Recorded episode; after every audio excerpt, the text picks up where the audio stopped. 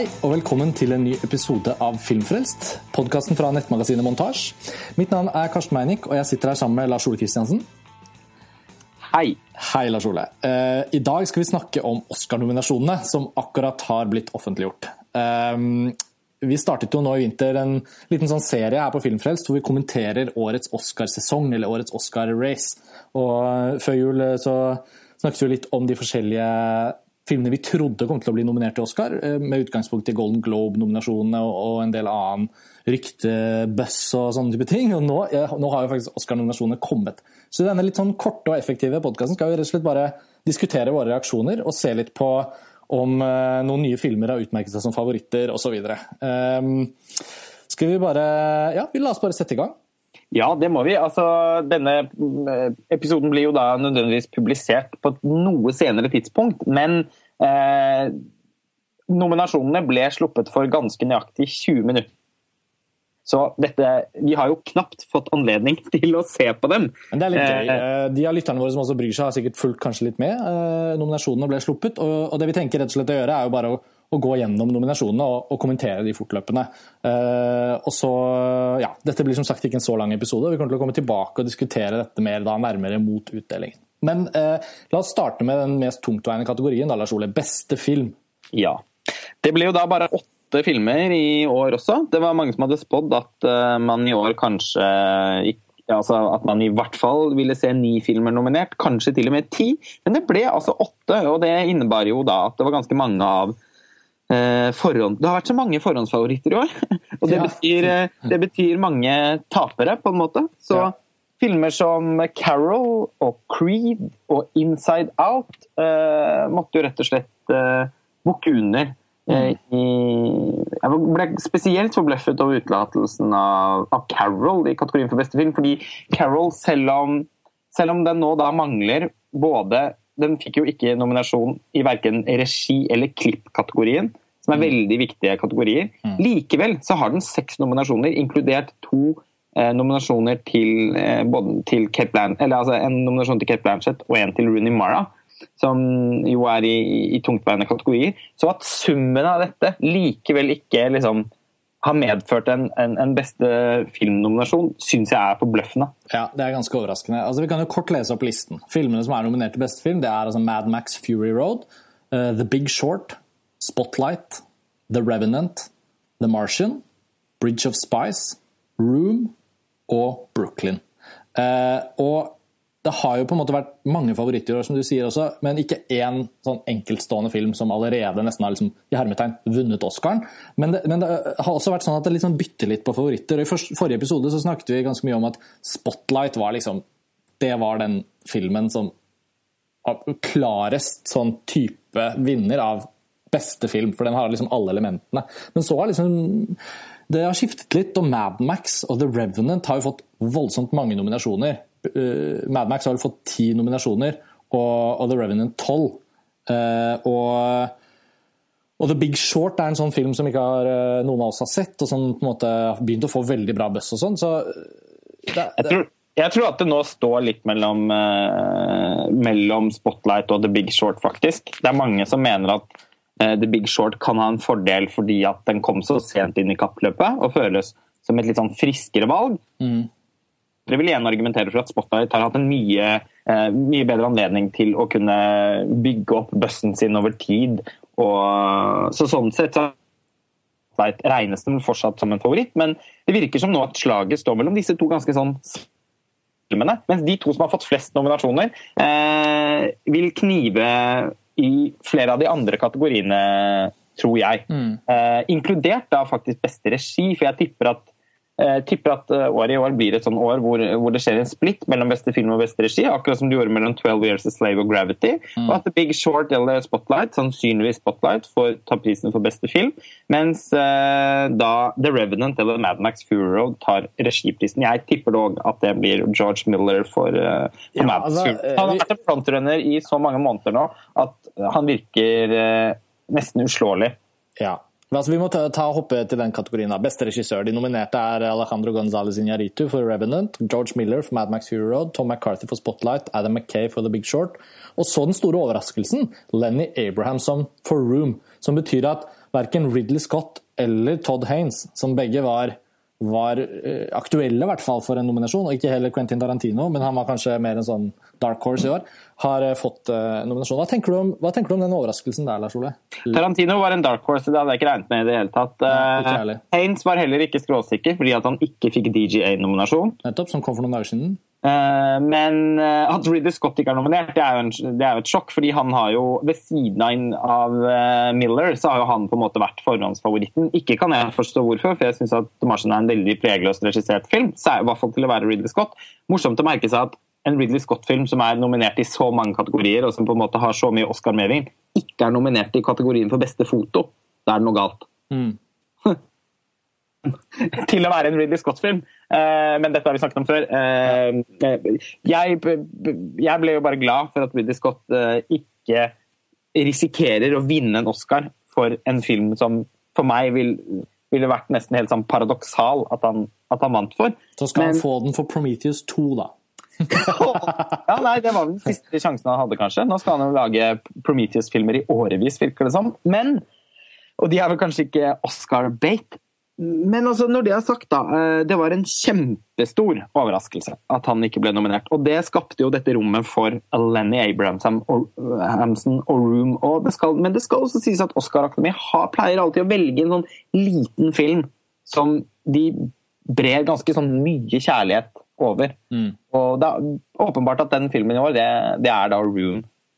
Ja, for den er jo også uh, nominert uh, i kategorien for beste film. Og jeg, og jeg, har jo sett den, og jeg kan jo bare advare deg, Lars Ola. Altså, med tanke på at forventningene nå øker, og at den, måte, den, blir, eh, blir, den blir, skyllet med prestisje eh, i litt for stor grad, så, så ser jeg for meg at dette er sånn klassisk film som du kommer til å gå ut med et spørsmålstegn og tenke hva? Hvorfor var den nominert sånn og sånn og sånn? Jeg vil si ikke at den er dårlig, men bare, den, har, den, har, noen veldig bra kvaliteter, særlig på skuespill, og noe på liksom, intensiteten i opplevelsen. Mm. Men den er en ganske ordinært på en måte produk, produk, en, en, ganske ordinær produksjon. Og ganske, ja.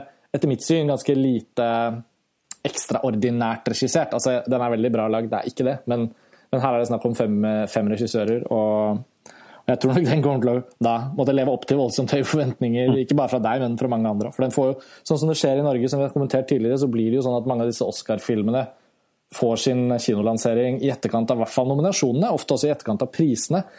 Over tid så har jo forventningene for de som følger med, rukket å bygge seg såpass høyt opp at noen av disse filmene vil jo automatisk eh, falle litt i bakken da, fordi de har blitt sånn blåst opp for mye. Eh. Altså, sånn blir det jo dessverre hvert eneste år. Det morsomme med Lenny Abrahamson er jo at uh, i den forrige podkasten vår om filmåret 2015, så løftet jo både Martin og Tor Joakim fram Frank. Ja, hans forrige film. Ja, og, og, vi snakket jo om at uh, nå var vel ikke Frank en debutfilm, men uh, det var den kanskje? Det, nå husker ja. jeg ikke det. men vi snakket Han har i hvert fall et litt sånt uh, ubeskrevet blad for de fleste av oss. Nettopp akkurat som med David Robert Mitchell og Follows. Mm. Om at det både var mange første- og andregangsregissører, i hvert fall eller, regissører som, som, først i 2015 fikk noe som helst oppmerksomhet. Ja. Og, og Lenny Abrahamson ble jo da løftet fram som en av disse med Frank. og en slags eh, Og det ble vel også snakket ja, det, det, skal bli spennende å se hva det kan bli ut av han. Og da bare noen dager etterpå så blir han nominert i Oscar for best, i beste regi, som jo på en måte da er den aller mest tungtveiende kategorien. Det er det, og han, eh, han, har laget film før Frank, altså. Så han er 49 år gammel og eh, har jobbet med både TV og film i, hjemme i, eh, i, Irland. Så Lenny Abrahamson Men han kommer jo nå til å måte, stige frem også som en regissør som kanskje får litt sånn muligheter i Hollywood som han ikke var, var ja, var klar for for et år eller to siden. Jeg, jeg tenker at Han har en sånn lignende sånn trajectory som Morten Tyldum egentlig får. da at han mm. var jo egentlig den store overraskelsen i fjor, til stor glede for oss i Norge. Uh, selv om kanskje filmen uh, ikke er like god som 'Hodejegerne'. så, så, så, er det jo interessant at, at uh, Og kanskje skal man se på det som en jeg tenker på det som en positiv ting, da, at Ridley Scott trengte ikke den nominasjonen på en måte i det store og det hele. Og, og, som du også sier, det er jo ikke den filmen man bør få Oscar for, og det kan man jo egentlig være helt enig i. Jeg liker den mye bedre enn deg, men uansett så Lenny Abrahamson, nå er han liksom oppe, oppe, der med de store, så kan han få muligheten, og så må han bevise noe. Men, men hvem vet? Altså, det er jo mange filmskapere som har brukt mange filmer på, på å lage sine beste ting, så få tenke på det som en, uh, som en bra greie.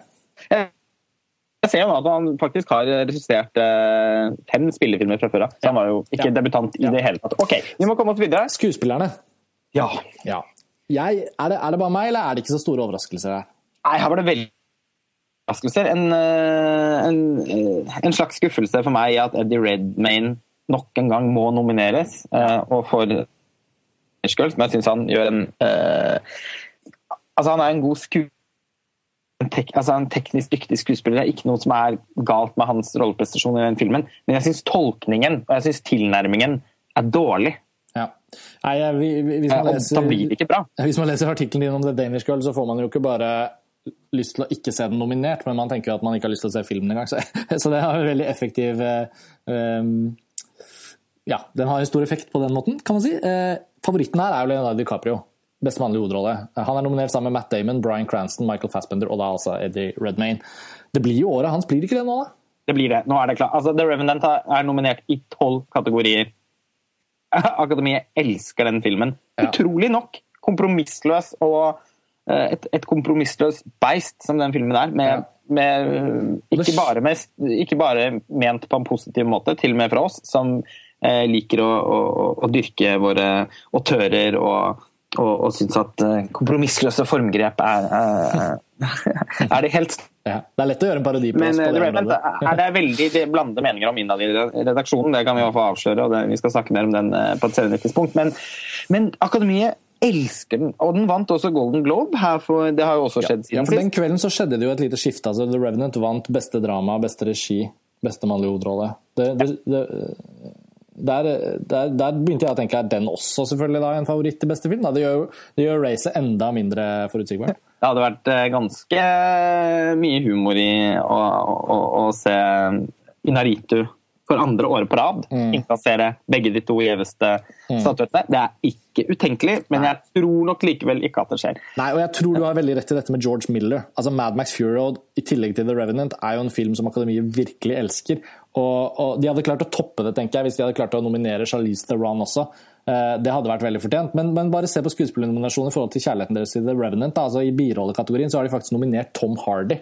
Ja, jo... Og han gjorde for meg en virkelig svak prestasjon i The Revenant. Han var noe av det som trakk filmen virkelig ned. Ja, Men han er, han er, også nominert, og det sier jo litt.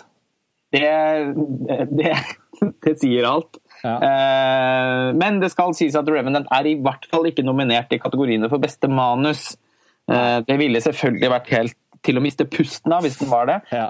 Eh, men, det. men, man vet aldri hva for noen dumheter Akademi kan finne på, og det har faktisk ikke gjort. Og det, det skal sies at Mad Max er jo heller ikke nominert i, i den kategorien. Nei, men Mad Max har faktisk en utrolig bra kvinnelig hovedrolle, og The Revenant er jo så maskulin at det ikke engang nesten er en kvinnerolle å nominere. Og i kategorien for beste kvinnelige hovedrolle så har jo selvfølgelig da heller ikke The Revenant noen markører. Der, der er det ganske sånn fin Jeg så nå på Twitter rett etter nominasjonen så var det noen som har postet et bilde av de nominerte beste kvinnelige hovedrolle. og, og, poenget var Ser ikke dette ut som en person i alle de fem stadiene av et liv? Og da var det sånn Jo, Sarosi Ronan, ung. Bree Larson og Jennifer Lawrence, liksom litt yngre, slutten av 20-årene. Kate Blanchett, sånn midt i, midt i, livet. Og så Charlotte Rampling, helt på slutten av året. Ja. Så er liksom, Alle er selvfølgelig helt sånn kritthvite i huden, så det er jo ikke noe uh, interessant integrering på gang i, i den kategorien. Men uh, men jeg ser også at eh, ja, Kate Blanchett er nominert for Carol. Eh, og hun Rooney Mara er også nominert. Men det spekuleres jo også litt i om liksom Brokeback Mountain-syndromet kan være tilbake. da. At et konservativt akademi eh, skyver ned en film som forteller en homofil, denne gangen lesbisk kjærlighetshistorie. Er det noe man burde begynne å spekulere i? At, at Carol blir skjøvet til side pga. det? Nei, det er jeg litt usikker på. Nå skal det jo sies at Brokeback Mountain ble ikke akkurat skjøvet til side i sin tid. Nei, ikke på nominasjonene, men, men den... altså, Og den vant for beste regi og beste manus. Og, uh, i det hele tatt, uh, ja, jeg husker at jeg syns, var veldig provosert den gangen selv over at den ikke vant enda mer. altså At den ikke vant prisen for beste film, som så å si alle var enige om at den fortjente. Men uh, jeg, jeg, tror ikke det. Jeg tror at problemet til Carol er at den ikke er rørende nok. Mm. Filmen er jo glimrende som den er. Mm har en litt sånn distansert Det, det er noe litt sånn ved tonen i filmen. Og det er helt riktig for filmen. Det er veldig innarbeidet i, i hele filmens uh, uttrykk. Altså bare iscenesettelsen, der vi veldig ofte uh, er litt på avstand fra rollefigurene, og hvor de er rammet inn av, av, av, av uh, detaljer i scenografien osv. gjennom vindusruter. man, det, er, det, er, det er noe et eller annet som gjør at vi aldri helt kommer innpå dem. Og det er helt riktig for filmen som et kunstverk. Mm. Eh, men det bidrar til at den mangler det sentimentale og det eh, Altså, de denne filmen kunne jo utmerket godt vært en sånn tearjerker, men er det ikke det hele tatt. Ja, for Den er liksom for bra til å være det, på en måte. På ja, det. Tilbakeholdt. Litt, altså sånn, den, den, vil ikke, den, vil ikke, gå dit eh, og på en måte plassere seg selv så lavt. Nei. Så det er ikke Selv for Todd Haines, som, er, som jo gjennom Far From Heaven på en måte ble mel melodramats uh, mester, mhm. så, så, er det veldig lite melodrama på gang i, i, Carol. Og jeg tror det har vært det som har ødelagt litt med filmen i Oscarsammenheng. At folk rett og slett ikke har blitt tilstrekkelig rød. Jeg er enig. En film som jeg faktisk ble veldig rørt av, er jo 45 år. Og den har bare blitt nominert for Charlotte Ramplings rolleprestasjon. Den hadde jo virkelig også fortjent en nominasjon for nei, adaptert manus. Eh, hva tenker du om det? Hadde ja, filmen er jo helt fantastisk. Eh, og... Hadde den noen muligheter? Nei Eller altså, man kan si at den burde hatt det, men den hadde jo ikke det, fordi det er ingen som har snakket om, om den som en aktuell kandidat i noen andre kategorier enn beste kvinnelige hovedrolle. Nei. Jeg tror vi skal være ganske glad Jeg, ble, var, jeg synes det var et av de altså et av de gledeligste øyeblikkene under den opplesningen i dag. At, mm. hun, at Charlotte Rampling ble nominert. Det er helt fantastisk. Det er vel hennes første nominasjon. Eh, man kunne også drømt uh, om at Tom Courtney uh, For han er ikke noe, han står ikke noe tilbake for henne, han. Nei, på ingen måte. Uh, det er jo på en måte samspillet, eller Ja, den sånn Veldig sånn ladede og ofte Altså tunge kommunikasjonen mellom de to, som, som er denne filmen. Mm. Men, men, det er klart at Rampling er jo likevel noe helt, helt spesielt. Altså, er liksom en av våre største filmkunstnere, tenker jeg. En av de beste skuespillerne i nyere tid. Så det at hun, det at hun har fått denne nominasjonen sånn på tampen av karrieren, er jo mildt sagt verdt å glede seg over. Ja, nei, Det er veldig veldig, veldig gledelig. Og Det hadde jo vært sykt morsomt om hun bare kuppet den kategorien. For, fordi der er det jo faktisk ikke én enkeltstående favoritt. Eh, jo, det er det. altså. Det er, altså alle snakker om Bree Larsen. Jeg har jo ikke sett Room i motsetning til deg, men alle snakker om henne. Ja da, men den er, altså, Saoirse Ronan har også fått veldig mye buzz. Og det er jo ingen som er ingen som kan si at ikke Kate Blanchett er fantastisk bra i Carol på sin måte. Hun har allerede fått mye Oscar. Charlotte Rampling kommer inn. Ja, men nå som nominasjonene er der og det skal gjøres nye stemmeprosesser Og som Room er nominert til både beste film og beste regi. Det teller positivt for Room, definitivt. Men jeg, jeg tenker, den er ikke så avklart som beste mannlige hovedrolle, da. Ja, jeg føler det, men uh... okay. Birollekategoriene, da? Ja. Her, altså apropos eh, Ja, denne er vel ikke nødvendigvis altså, Den burde vel kanskje ikke vært så avklart, fordi det er sånn tilsynelatende i år en veldig åpen kategori. Men eh, jeg har jo en følelse av at Sylvester Stallone ror dette i land. Ja, det er han som er nominert sammen med Mark Rylance fra Bridge of Spies, Christian Bale, The Big Short, Tom Hardy som vi snakket om for The Revenant, og Mark Ruffalo for Spotlight. Eh, er det ikke Mark Rylance fra Bridge of Spies som på en måte litt har vært favoritten frem til nå? Jo. Bare fordi han er så veldig sånn spesifikt en bra birolle og en respektert skuespiller som liksom Ja. Altså, han er den perfekte altså, Det er egentlig den perfekte birollenominasjonen. Mm. Det er en birolle. Mm. Uh, men uh, samtidig så tror jeg man på en måte har sittet og ventet litt på at, at det skal komme en ordentlig favoritt. Folk, for jeg tror heller ikke det er sånn at, folk, at veldig mange innad i akademiet har hatt sånn kjempesterke følelser for, for Ireland sin rolleprestasjon, selv om den er helt uh, strålende. Mm. Uh, Sylvester Stallone, der har man en god historie, og det elsker de. Ja, og det forslåtte ansiktet som kommer tilbake og krones med en Oscar. Det var dette som skulle skje med Mickey Rorke uh, og The ja. Som, Wrestler ja. som, ikke, som de snøt ham for. Dette er liksom the wrestler-narrativen for Stallone. Eh, morsomt også å tenke på at han... jeg, skal, jeg skal like å se at Sylvester Stallone er like imponerende i den filmen som Mickey Rourke var i The Wrestler. Ja, det blir spennende å se. Vi gleder oss til å se Creed. Men, men jeg tenker at han ble da vitterlig også nominert for Rocky, originalen, i 1976. Altså beste mannlige hovedrolle. Det er full circle, det her. Så han er jo nominert for samme rollefigur. Eh, jeg husker jeg tenkte på det det året, men husker du det britiske dramaet um, Iris? Ja, det husker jeg. Med, med Judy Dench og Kate Winslet. Ja. Ble der ble begge skuespillerinnene nominert for samme rollefigur i forskjellige perioder av livet. Husker jeg tenkte var sånn Å, det er gøy. Det er gøy å notere seg liksom, at det er noen sånne Og nå er det samme rollefigur som er nominert, samme skuespiller, da, 40 år senere. Mm. Eh, men eh, jeg tenker på de kvinnelige birollene. Der er det jo også ganske Ja, der kan vel kanskje Rooney Mara sies å være favoritten. Også fordi hun litt sånn fortjener det.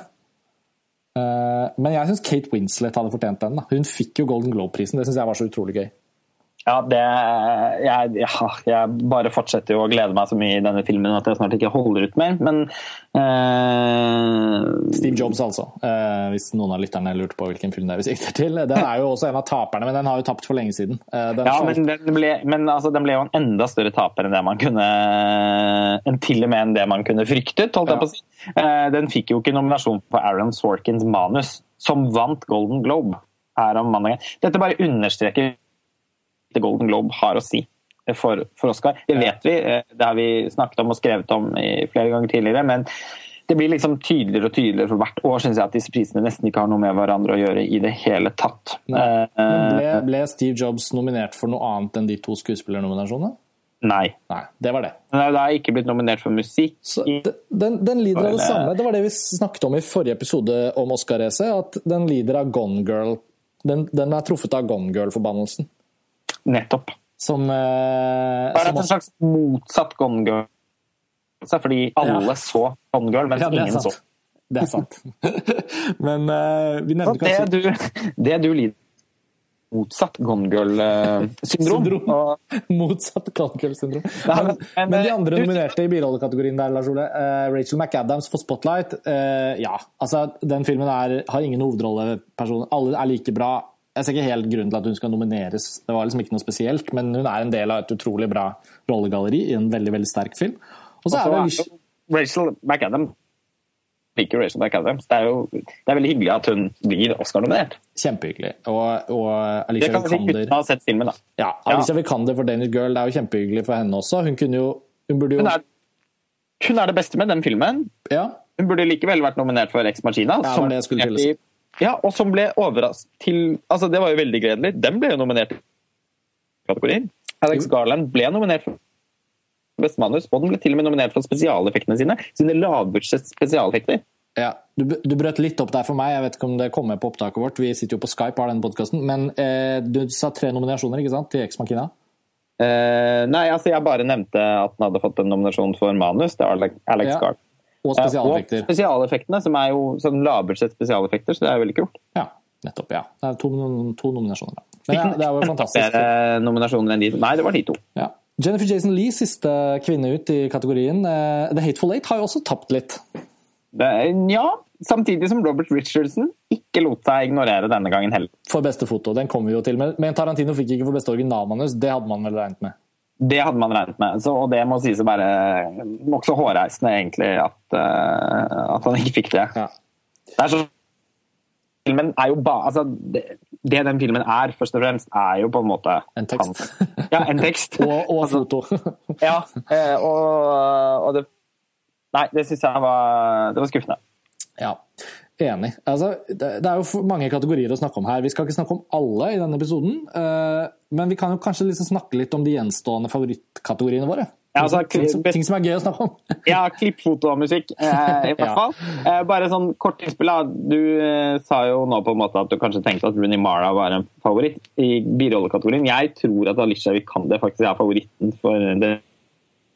Nå vil ikke hun bli rammet av hva skal man kalle det syndromet? Eh, Julianne Moore og, og, og Kate Blanchett-syndromet. Når du er nominert i to kategorier og, og, og, stemmene blir splittet? Nettopp. altså uh, Kate Blanchett ble jo rammet av dette når hun gjorde den helt enestående rollen i I'm Not There av Todd Haines. Ja. Eh, samtidig som hun da også uheldigvis ble nominert for rolleprestasjonen din Elizabeth The Golden Age. Mm. Så da slo de to hverandre man, man, de som, til og med de som driver med sånn disse, Når store produksjonsselskapene holder på med Oscar-kampanjene sine, så pleier det alltid å være prøve å unngå dette. Og det har de lyktes med Alicia, med Alicia Vikander. Det var jo snakk om at hun kanskje skulle bli nominert for hovedrolle i, i The Danish Girl og birolle i Ex Machina. Eh, men nå har hun bare blitt nominert eh, i én kategori. Og for The Danish Girl. Uh, jeg tror faktisk hun hadde hatt enda større sjanse hvis det var Ex Machina, fordi det mm. er en mer prestasjon. Mm. Men hun er det beste med The Danish Girl, og hun er liksom Og jeg føler at Alicia Vikander er liksom sånn girl i Hollywood. Ja, jeg er enig. Vi får se. altså Rooney Mara er jo på en måte like ung, holdt jeg på å si, eller yngre. De er, jo, de er jo litt i samme kategori på en måte, bortsett fra at Rooney Mara har blitt nominert tidligere. Ja, og at Rooney Mara har også noe sånn melankolsk og tungt ved seg. Som, mens Alicia Vikander bare sånn gløder. Eh, latterlige ting å, å, skulle, å, skulle, vektlegge, men jeg er redd for uh, at, det kan ha, at det kan påvirke stemmene. Altså, man er veldig glad i Oscar Akademiet er nesten alltid glad i en god historie, og de er glad i å kunne liksom løfte fram noen som liksom er i vinden. Mm. Og, og, Alicia Vikander er mer i vinden enn Rooney Mara. Derfor tror jeg hun vinner. Rooney Mara er best i denne kategorien. Uh, av de jeg har sett, i hvert fall. Du har jo faktisk sett alle. Ja, faktisk. Bortsett fra Girl. Uh, ja, og, så jeg har ikke sett alle. Men jeg har hørt deg snakke om The Danger Girl. Uh, jeg tenker at Kate Winslet helt overlegent gjør den prestasjonen som er vanskeligst å naile, og som har størst effekt for den filmen hun er i. Faktisk av alle de fem. Wow. Uh, og Jennifer Jason Lee uh, var jeg veldig spent på før vi så Hateful Eight. For jeg tenkte sånn, Det har vært buzz på at hun har gjort en så bra rollefigur. Ja, altså Hun er jo veldig kul i filmen, men noen Oscar-prestasjon vet jeg ikke. Men jeg liker jo henne som skuespiller, så det er flott at hun er nominert. Ja, jeg syns også tommel opp for det, og kjempekul selvfølgelig i filmen. Men eh, nei, det var ikke, ikke en fortjent vinner, i hvert fall. Du, hva med å hoppe til beste ikke-engelskspråklige film før vi tar foto og klipp og sånn? Ja. Der er det jo alltid liksom Fra europeisk perspektiv så blir man jo alltid liksom spent på den kategorien, for det kan hende det er noen filmer som liksom ja, er fra enten fra nordiske land, kanskje til og med Norge. Vi har jo sett noen økt grad av Oscar-nominasjoner for eh, norske filmer og filmskapere de siste årene, men, men årets kategori var litt sånn herre det var en rar shortlist. Både ting jeg ikke var så opptatt av, og ting, en god del vi har sett på festivaler. Og litt sånn. Og jeg syns det utvalget var litt, litt, bra. Litt sånn Oi, se her. Det var liksom Jeg kan ikke se en eneste sånn såpete dustfilm. Nei. Eh, Nei, absolutt. Uh, det er vel Og det er vel Son of Soul som er å regne som en slags, uh, som en slags forhåndsfavoritt. Men ja. det er kanskje mest pga. filmens status uh, i, i Cannes. Mm. Og, og, det er jo en kjempe, kjempebra film, mm. som vi sikkert også kommer til å snakke litt mer om på et senere tidspunkt. Mm. Vel... I forbindelse med den norske kinopremieren og sånn. Ja, og vi har, har også snakket om den i en podkast fra, fra Cannes-festivalen. Ja for de som har lyst til å høre oss eh, dele noen tanker om ja. Son of Soul, så er det bare å høre på nett. Men eh, og Krigen av Tobias Lindholm syns jeg er en veldig god film. Eh, 'Embrace of the Serpent'. Kjempe spennende, åpenbart spennende filmskaper. Du har jo satt deg spesielt inn i han i forbindelse med at du gjorde en, et lengre intervju med han under Film fra sør. Ja, stemmer. 'Embrace of the Serpent', som jeg også så i Cannes og så på ny eh, i forbindelse med Film fra sør og gjorde et intervju med han. Og Det er jo en veldig spesiell svart-hvitt-film fra Colombia med et ganske sånn ambisiøst og litt sånn speisa kunstnerisk prosjekt at den ble nominert til Oscar, syns jeg var ganske utrolig. Helt og, utrolig, faktisk. Og på samme måten så tenker jeg at det er ganske Nå har ikke verken du eller jeg sett denne, da, men den arabiske filmen, eller arabiskspråklige filmen Thebe, den er vel fra Jordan. Den har også fått en nominasjon, og den har vi en veldig positivt ladet omtale om på montasje. Da den hadde kinopremiere i Norge i sommer, eller i sommeren 2015. Tor Joakim som har skrevet om den. Og den femte filmen er jo da et skikkelig hjertebarn, eh, 'Mustang', som jeg har sett, og som jeg bare har Den er den er litt sånn som den japanske filmen 'Søstre' av Hirokazu Koreda. Eh, det er en sånn hjertefilm som, som, du bare får Du kommer så nært på eh, den gruppen av søstre som også denne filmen handler om. Og, eh, og den er ikke på en måte perfekt lagd, det er også en debutfilm, men den har en, sånn der, en eller annen form for sånn emosjonell, mellommenneskelig energi som du bare blir grepet av. Og jeg tenker at den kan være en reell dark horse, det er en skikkelig utfordrer til Son of Soul. Men men ja, de, alle disse fem filmene Nå har ikke jeg sett Thieb og krigen, men, men, summen av det er liksom sånn Ja, så er ingen av de der litt sånn Oscar Bate-aktige eh, idiotfilmene som man bare frykter at skal vinne, og som kanskje går og vinner. Nei, det var, eh, altså Defensor for eksempel, var jo, må jo sies å ha vært litt i den kategorien. Dessverre, selv om vi også på en måte bryr oss om den. Den finske filmen. Ja. Men uh, den uh, endte jo da Den fikk jo Golden Globe-nominasjon, men endte mm. da ikke opp her. Og sp veldig sprek med 'Embrace of the Serpent'. Det er jo uh, Det er ordentlig kult. Ja, dette er et sånt tilfelle hvor man liksom kjenner at man møter sine egne fordommer mot Oscar-akademiet. Får de slengt litt i fleisen, da. Ja. I, og det må jo sies med, med manus til Ex Machina også, at de, de kan slå litt jeg føler at de har gjort det i, i, i noen kategorier eh, i år. Selv om, selv om, vi er aldri så skuffet over, eh, over Carol og eh, ja, kanskje først og fremst den. Ja. Eh, det blir veldig gøy. Jeg tenker at uh, også at uh, den ungarske holocaust-filmen Son of Saul sannsynligvis vinner. Men det er gøy med den danske filmen. Og nei, det er hyggelig at den kategorien er liksom en sånn Ikke en sånn derre åh, Nei, oppløftende årgang. Mm. Beste foto, Lars Ole? ja. Vi kommer litt inn på det pga. Robert Richardson. Ja. Det, altså, en stor glede at han ble nominert. Eh, det ville jo vært en skandale hvis han ikke ble det. Han ble ikke nominert til American Society of Cinematographer eh, sin pris. Stemmer. Så, hvilket må sies å være svært overraskende. Eh, når han nå plutselig er med, så så kan man jo så, så, blir han jo liksom Han kan vinne sin fjerdepris, han. Eh, nå som han først er nominert. Det skal vi og Dette snakket vi jo såpass mye om i den forrige podkasten, men eh, mm. Mad Max Fury Road, selv om jeg syns foto er noe av det minst interessante egentlig i den filmen, eh, og, og, jeg definitivt ikke syns den fortjener å vinne i konkurranse med både Carol og The Revenant og The Hateful Eight og Sicario, Så som er de andre som er nominert uh, i kategorien i år. Så Eh, så er det noe med at filmen sin Altså eh, den, den, den utnytter liksom Ja, hva Den er såpass storslagen mm. i alt den gjør, mm. at, og, og, er så utpreget visuell at uh, man gjerne at det er veldig enkelt å forlate den filmen og tenke at ja, den hadde jo, altså, den hadde jo fantastisk foto. Og ja, altså, den har jo altså, men jeg føler at kameraarbeidet er det, er det mest eh, spenstige med, med, med Mad Max, og det er noe jeg gjerne da tilskriver regi, regien. Altså, mm.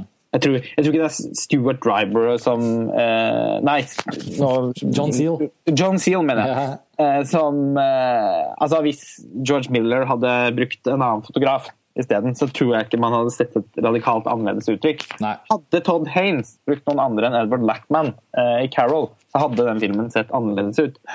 Uh, og Det samme gjelder The Revenant og uh, Emanuel Lubezki. Og som hvis arbeid med naturlig, utelukkende naturlige lyskilder i den filmen er slående og i en sånn grad, selv om jeg har problem, en del problemer med filmen, så, så må jeg jo si at jeg ikke ikke hadde Altså, jeg hadde kunnet anerkjent at Lubeski fikk sin tredje Oscar på rad. Altså Lubeski er jo helt utrolig god form nå. Eh, jeg tror eh, du hadde en liten sånn Freudian slip der da du nevnte Stuart Dryberg, og det er veldig morsomt, for han har jo hatt foto på Michael Manns Black Hat. Og det var jo samme tilfelle, hvor at på en måte Michael Manns regi har nok vært hovedårsaken til at bildene er som de er, da. Selv om jeg også har sett mye bra foto fra Stuart Dryberg opp igjennom. Så. Ja, uh, den er dessverre heller ikke nominert. Det er jo en skandale at ikke Black Hat er nominert i noen kategorier. det, det, må vi jo få lov å slenge ut der. Ettersom uh, vi nettopp har kåret Black Hat til fjorårets, uh, en av fjorårets beste filmer. Men vi trenger ikke dra, dra den så mye lenger. Til lunken mottakelse fra en del av leserne våre som lurer på om det klikka for oss.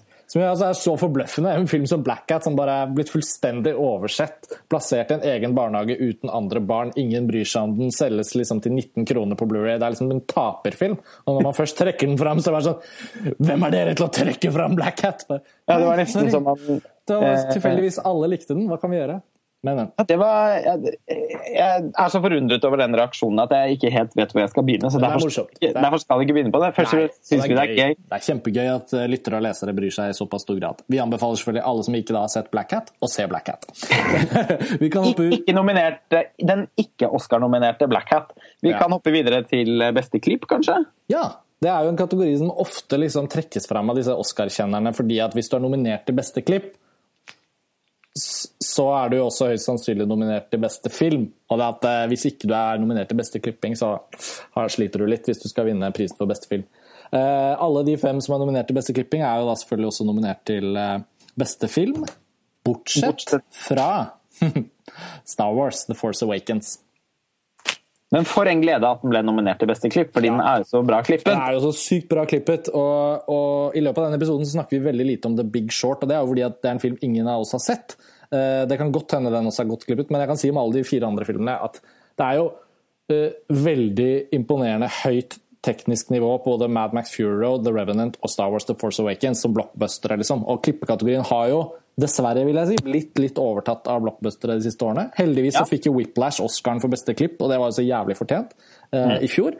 Men Spotlight er jo nok en film som publikum nærmest ikke, eller filmfolk for øvrig, kommer nesten ikke til å tenke på eller føle på måten den er klippet på, for den er ikke klippet i en sånn tempofasong. Men hvordan Spotlight er sydd sammen og fortalt, er altså så sublimt og nydelig og elegant gjort. Så jeg er veldig, veldig glad for at ikke den ble utelatt. Da. da hadde jeg begynt å bli litt redd på vegne av den filmens Oscarsjanser i de andre kategoriene. Så, så, The Revenant er en for lang film, så jeg vet ikke om jeg syns den nødvendigvis er en av de fem best klippede filmene fra i fjor. Men nå er jo den elsket i så stor grad at den blir nominert for alt den nesten har gjort, så ja. Nettopp.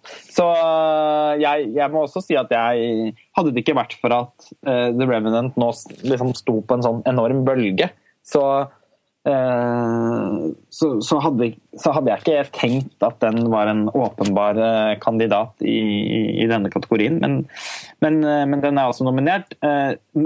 Sla, det, er, det, er, jo på en måte Mad Max, tror jeg, som, som, tar denne prisen. Jeg tror det, og den bør det.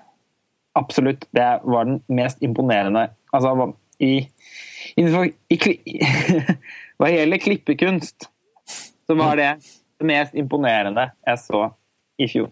Ja, og den er jo, uh, den er jo en eneste lang chase-sekvens, og, og, det at den klarer å faktisk på en måte både holde høyt tempo som svarer til handlingen i filmen hele tiden, men at den også liksom klarer å gjøre de få temposkiftene og få de til å virke dynamisk og organisk med, med filmen der hvor det skjer, det er, eh, er utrolig imponerende. Uh, så ja, nei.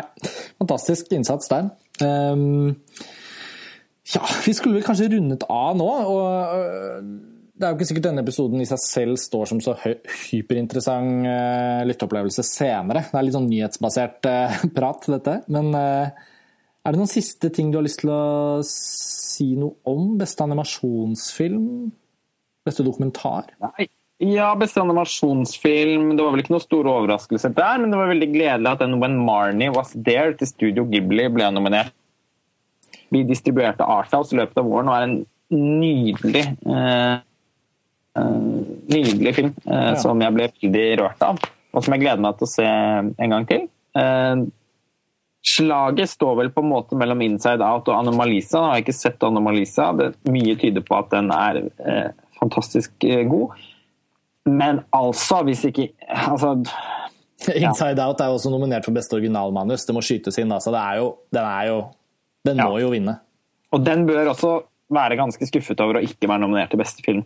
Ja, jeg er enig med deg der, selvfølgelig. Den, eh, det er jo et sånt år hvor man skulle sett at ja, selvfølgelig skal Inside Out nomineres også i den kategorien. Det er ingenting. Og jeg som er ganske skeptisk til animasjonsfilm, jeg er jo ikke helt enig. Ja, altså Mark Kermo hadde en eh, sånn artikkel tidligere i høst hvor da Oscar-kappløpet var veldig mye mer åpent enn det det er nå. Hvor han bare sa at i år så ser tingene så åpent og så merkelig ut at dette er nok året hvor man faktisk faktisk kan snakke om at det kan bli sannsynlig at en animasjonsfilm vinner Oscar for beste film. Ja, ikke sant. Ser du? Hun er faktisk Inside Out, argumenterte han for. Og jeg, altså, morsomt nok eh, Nå har jeg ikke sett alle som er nominert, altså, så man, jeg kan ikke vurdere helheten. Men, eh, men, eh, men ja, den hadde jo vært en usedvanlig fortjent perfekt, egentlig. Det er, mm. det er, jo Pixars så langt mest gripende film. Mm. Og, og, er det noe Oscar-akademi er glad i, så er det jo det er jo å bli rørt. Men, eh, men, altså, ikke mer enn kun nominert i to kategorier. Den ble jo heller ikke nominert for beste musikk, som jeg syns var ganske skuffende. Ja, der er det jo også øh, Ja, vi, vi, har jo ikke egentlig rammer, eller vi har ikke tid akkurat nå til å snakke om alle kategoriene, men men uh, i, i, musikk, både i musikk og, og, og, manus så er det jo ting å gå dypere inn i. Men det kan jo hende kan, vi kan spare noen av de samtalene til neste episode av vår liksom, Oscar-serie denne vinteren, som, som, jo selvfølgelig da kommer rett før utdelingen. hvor vi skal se på hvilke filmer vi faktisk tror vil vinne, og, og komme med våre egne tips og sånn. Yes. Så jeg vet ikke, Skal vi rett og slett sette en ja, det. Jeg har ikke noen flere jeg har noe... Jeg syns det var morsomt at den svenske filmen 'Hundreåringen som klatret ut gjennom vinduet og forsvant', som hadde norsk kinopremiere for vel sånn to år siden, ja. er nominert for beste sminke. Ja, det var, det var uh, morsomt. Og det er, mors og det er, eller, ja, det er jo liksom morsomt på en litt sånn her, eh, komisk måte. Men det er også veldig hyggelig og veldig riktig å se at Joshua Oppenheimers 'The Look of Silence' er nominert for beste kinodokumentar. Det er jo da etterfølgeren. Eller liksom den, den, er jo festet ved hoften til den forrige filmen hans, 'The Act of Killing'. Det er egentlig samme film, bare delt i to. Litt sånn som Kill Bill 1 og 2. Um, mm. Og Act of Killing vant jo Kill Bill Ja, her var det. Det var en ganske ja. spennende parallell. Ja, Act of Killing vant jo ikke i sin tid, det er jo forferdelig synd å tenke på. Men i år er det jo enda dårligere sjanse, dessverre, da. Fordi Amy til Asif Kapadia som jeg bl.a. kåret til årets aller beste film i fjor. Eh, du hadde den jo høyt på din liste òg, og det er jo en helt fantastisk film. Hvis ikke den vinner, så ja. ja den er et mesterverk. Det, ja. det, det, det skal veldig mye til, tror jeg, for at den ikke vinner i kategorien. Samt ja. kategori hvor de merkeligste ting kan skje. Ja. Så eh, vi, jeg blir ikke overrasket hvis, eh, hvis, det blir noe Hvis det blir en annen film som stikker av med prisen. En veldig kort ting òg at ettersom du og jeg at, at vi begge er så fan av The Weekend, så kan man vel også kunne tillate å glede seg litt over at han er nominert til Oscar. Ja, altså artisten The Weekend um, nominert for sin låt til Fifty Shades of Grey. Uh, det er en god låt, så ja. Jeg, jeg, gleder meg over det, samtidig som jeg sørger over at Furious 7, altså, som har en helt fantastisk låt, ikke er nominert. Det hadde jo vært både en veldig fin måte å nominere Furious 7 på, ja, som altså, jo er høyt, jo... høyt, elsket film blant både publikum og kritikere rundt omkring. Men ikke ja, minst... det var vel årets niende beste film, var den ikke det? Men altså, har de, en, har, de, har de, hatt en bedre mulighet noensinne til å gå fra et musikknummer i TV-sendingen og inn til eh, altså nekrologsekvensen? Mm. Altså, uh, We Remember-sekvensen. Uh, nå er det jo så sørgelige tider. Det dør jo fantastiske filmkunstnere for fote, så man blir jo bare deprimert av å liksom, vente på den neste grusomme filmnyheten. Men uh, Alan Rickman-nyheten syns jeg var så tung. Den har jeg ikke klart å ta inn på. Vi fikk jo akkurat vite at Alan Rickman er død rett før Oscar-nominasjonene ble sluppet, og, og, har en nyhetssak om det på montasje, men vi har ikke fått tatt det. Nå må det stoppe. Ja. Nei, nå må det bli lysere, og så må det bli varmere, og så får vi håpe at alle disse fantastiske folka ikke dør. Jeg kan ikke sette på noen tørre.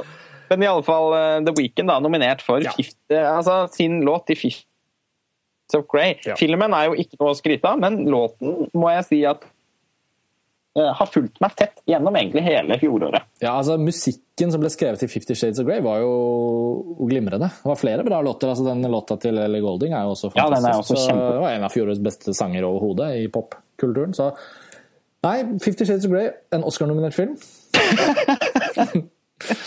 I den mest utskjelte og latterliggjorte tåpelige kategorien beste ja. originalsang. Ja. OK. Ja, okay. Vi får legge for øret. Eh, takk for at dere hører på. Vi høres igjen snart. Nye Filmfrelst-episoder er på vei. Eh, ja, ha det bra. Ha det bra.